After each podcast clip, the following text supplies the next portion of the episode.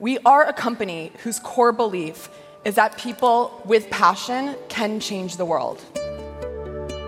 Det er april, og på Bahamas sitter tidligere USA-president Bill Clinton og tidligere statsminister i Storbritannia Tony Blair og snakker krypto. På scenen sitter også en mørkhåra, bustete fyr i avslappa joggesko og shorts. På kort tid har han blitt en av kryptoverdens mest innflytelsesrike mennesker. With, think, Sam Bankman-Fried. we have a safe platform that allows people to do the trades that they want to do without being exposed to this sort of like shaky platforms that you've seen a lot historically. Men denne episoden handler ikke egentlig om han. Den handler om katastrofen han snart skal havne midt oppi.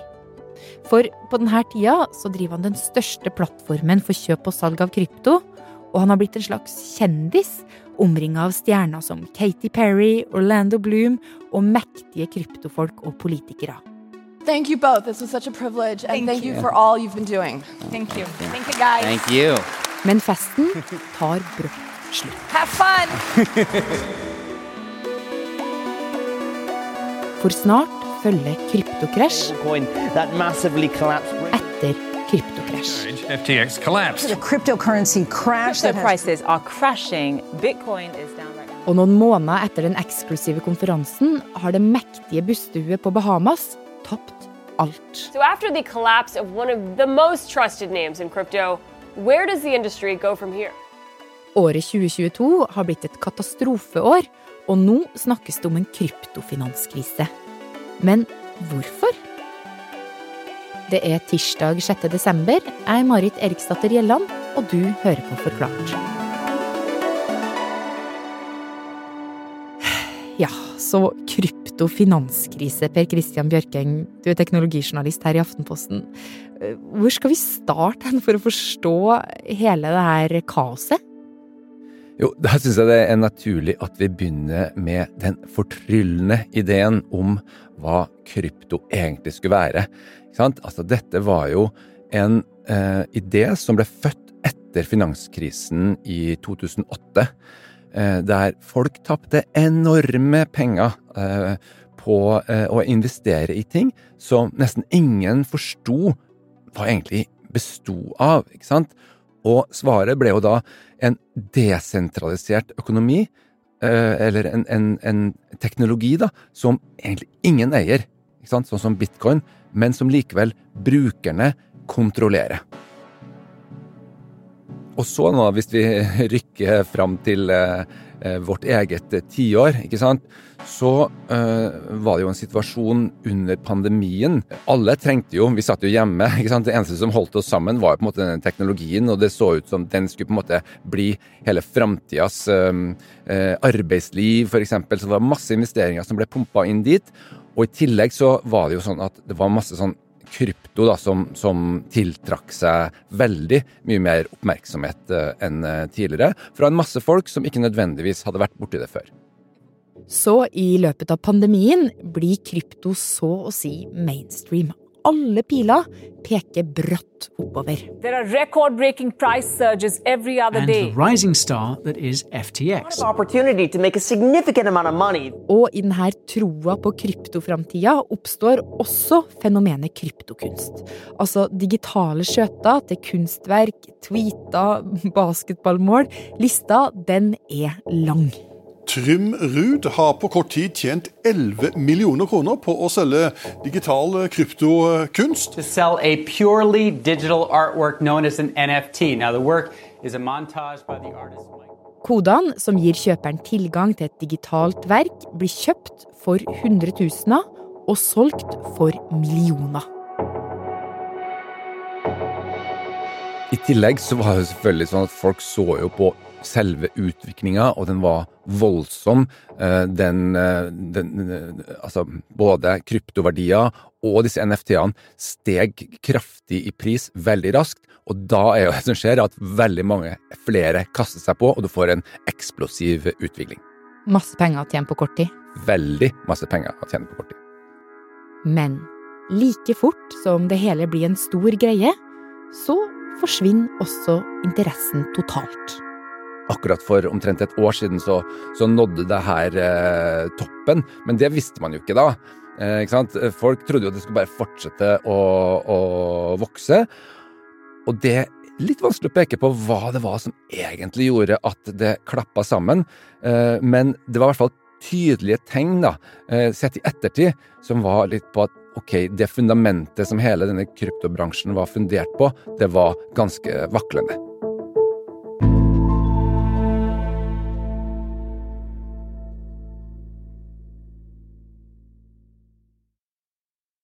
På uh, nyåret så skjer det jo en god del ting i verden som får uh, ganske store konsekvenser i økonomien, ikke sant? Uh, du har kinesisk økonomi som går dårlig, og hele finansmarkedene begynner å skjelve liksom, etter pandemien. Det er masse ustabilitet, rentehevinger, folk får dårlig råd, og det er tydelig at det har vært en overinvestering i teknologiaksjer generelt, så de begynner å gå ned. Og når det var så mange utrygghetsfaktorer, da, for å kalle det det, så eh, søkte pengene i stedet for å gå til krypto, så går de heller til gull og obligasjoner og dollar og sånne, det som kalles for sånne trygge havner, da.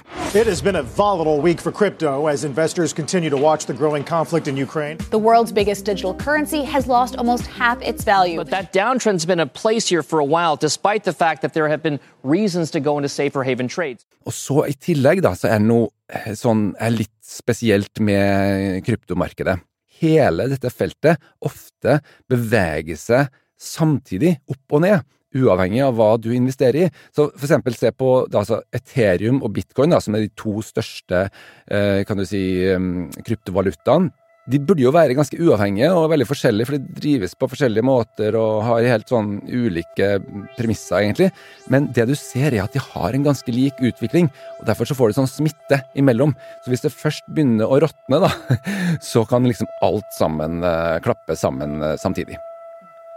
Men sett utenfra er ikke dette en stor bekymring enda. I hvert fall ikke for Bankman Fried og Orlando Bloom, Katy Perry og Bill Clinton pakker badetøy og solbriller og stikker på kryptokonferanse med bustehue på Bahamas. Men ja, det er likevel mørke skyer på himmelen, og bare noen dager etter kryptoeliten har vært på årets happening, rakner alt. I løpet av fire dager blir en hel verden vitne til det største kryptokrasjet noensinne. 98 cents, and that led to Monday's crash to 61 cents. Last week, the crypto market experienced what can only be described as the blackest of black swan events to date. Kryptovalutaen som kollapser, er Terra Luna, en såkalt stablecoin. En stablecoin er jo en eh, kryptovaluta som er kobla til dollar, rett og slett. Som skal være helt sikker. Det er hele eh, poenget. Og den skal ikke ha alle disse her sviningene som vi er vant til fra kryptoverdenen, ikke sant? Men det som gjør at dette tiltrekker seg så enormt mye penger, det er det at de som står bak, sier at om du setter pengene dine her, så skal du få 20% rente. Men syns du at 20% rente høres ganske bra ut? eh, ja, det høres jo Altså, det høres ut som jeg kommer til å tjene penger, i hvert fall. Ja, hvis du tenker på at du setter dem i banken, så får du kanskje 1% eller noe sånt, så er 20 veldig mye. Og eh, det var jo det som enkelte begynte å synes var litt tvilsomt. Det som skjer, er at én en aktør plutselig tar ut et veldig stort beløp overfører ut av valutaen. og Det fører jo til at du får en liten dipp, men ifølge systemet så skal det kompenseres ganske raskt. Problemet her er at uh, folk begynner å tvile.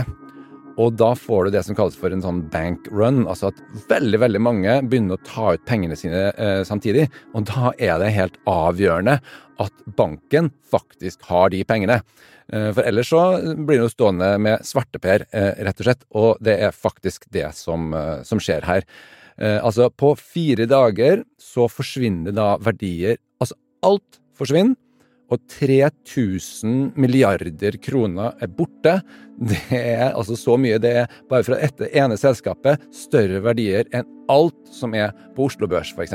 Crypto has finally crashed, and it's crashed high. Crypto, obviously, right now getting crushed. Og en av dem som nå får litt svett panne, er That allows people to do the trades that they want to do. Sam Bankman-Fried. Fyren som har branda seg som bransjens good guy, og som har snakka foran den amerikanske kongressen om kryptoregulering. Og på denne tida i mai da, så er han da mannen bak to viktige selskap. Det mest kjente er kryptobørsen FTX. Gjør det enkelt, så kan vi si at det er både en bank og en børs.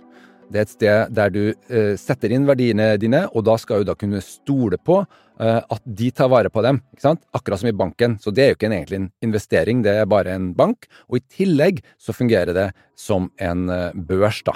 Men det er ikke FTX som får problemer etter krasjet i mai. Det er det andre selskapet hans, Alameda, som driver med kjøp og salg av krypto. De har plassert masse midler rundt omkring i kryptomarkedet, ikke sant. Og det som skjer i mai, er jo at de taper en hel masse penger.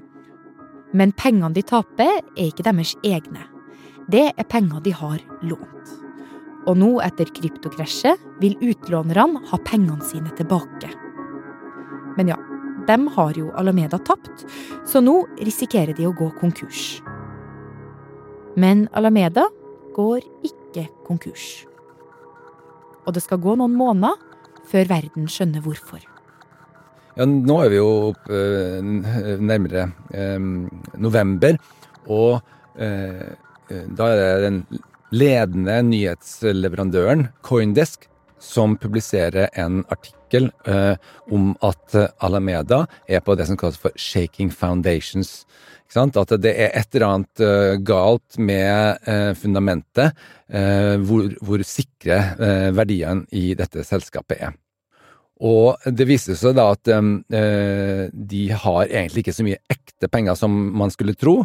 det er jo sant, men det er jo ingen som vet. Plutselig så sås det en stor tvil om hele Alameda, og dermed også FTX, som er tett kobla sammen. Dette fører til en sånn såkalt bankrun. Samme som skjedde, egentlig. Plutselig vil veldig mange ha pengene sine ut eh, samtidig. Eh, milliarder av dollar i krypto skal eh, leveres ut i løpet av noen timer, og FTX har ikke alle pengene som folk vil ta ut. Og de må fryse uttakene. This is the bottom of the crypto market. The crypto is, is therefore dead? A massive player goes to zero. Hvorfor har de ikke de pengene som folka har eh, satt inn i banken? Nei, det er jo selvfølgelig fordi at de har satt, eh, lånt bort penger til eh, Alameda uten ordentlig sikring. Det, det, er ikke engang sikkert at det har skjedd noe kriminelt her, det vet vi ingenting om. Eh, det er mye mindre eh, sikring, rett og slett, av denne typen eh, midler i en kryptobank. Ok, så da Alameda fikk problemer, så brukte FTX kundene sine penger til å dekke tapene der. Men hva skjer nå da med alle de folkene som eide de her pengene som FTX bare lånte bort? Ja, de taper rett og slett de pengene, sannsynligvis. Eh, Foreløpig er det veldig veldig uoversiktlig hvor mye penger som eh, mangler, men alle anslag tyder på mange titalls milliarder kroner, hvis ikke hundrevis av eh, milliarder. Right, he needs to be prosecuted. Uh, he will spend time in jail. Uh, they perpetuated a large fraud, and it wasn't just Sam. I didn't ever uh, try to commit fraud on anyone. Mange snakker om at hele tapet kan være større enn hele eh, Terra Luna, som da faktisk er flere tusen milliarder. Man vet ikke eh, hvor mye egentlig som ligger der da, av midler. Og det vil også være veldig avhengig av hvordan går det med kryptomarkedet, for veldig mange av midlene er jo knytta til forskjellige kryptoressurser. Og nå har jo FTX gått konkurs, og hele det her fallet har jo nok en gang fått ganske store konsekvenser i kryptomarkedet. Men altså, for et år det har vært for krypto, da, Per Christian, og ikke i positiv forstand, har vi sett en slags sånn kryptofinanskrise? Absolutt. Eh, altså, det er jo, det er jo kjempealvorlig. Eh, ideen med krypto, det var jo at du skulle jo være avhengig av å ha tillit eh, til sånne finansinstitusjoner, da, som for eksempel FTX eh, har vært, ikke sant. Um, det som viser seg er at Problemet er jo at disse kryptoverdiene de er jo påkobla resten av verden. ikke sant? Eh, for at kursen på dem går jo opp, og den går ned, avhengig av hvor mange som egentlig tror at krypto er framtida. Og når mange nok mister denne troa, sånn som det som nå har skjedd, ja, da stuper jo prisen. Eh, helt uavhengig av liksom hvor trygt og sikkert denne teknologien egentlig er eh, bygga opp. Og det som er viktig da, det er altså resultatet blir at krypto det blir et veldig, veldig risikabelt sted å ha verdier. Og mye mer risikabelt enn å sette pengene i tradisjonelle verdipapirer, selv om det motsatte egentlig var hensikten.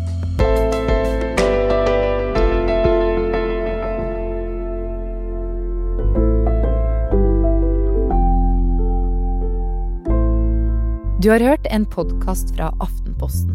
Per Christian Bjørkeng er teknologijournalist og følger kryptomarkedet. Lyden du hørte, var fra Coindesk TV, Coinbyrå, CBS, Salt, NRK, ABC, CNN, Coinbase, Graham Steven, Vion, MediaWatch, CNBC, Fox Business og Nine News Australia. Episoden er laga av Jenny Føland og meg, Marit Eriksdatter Gjelland.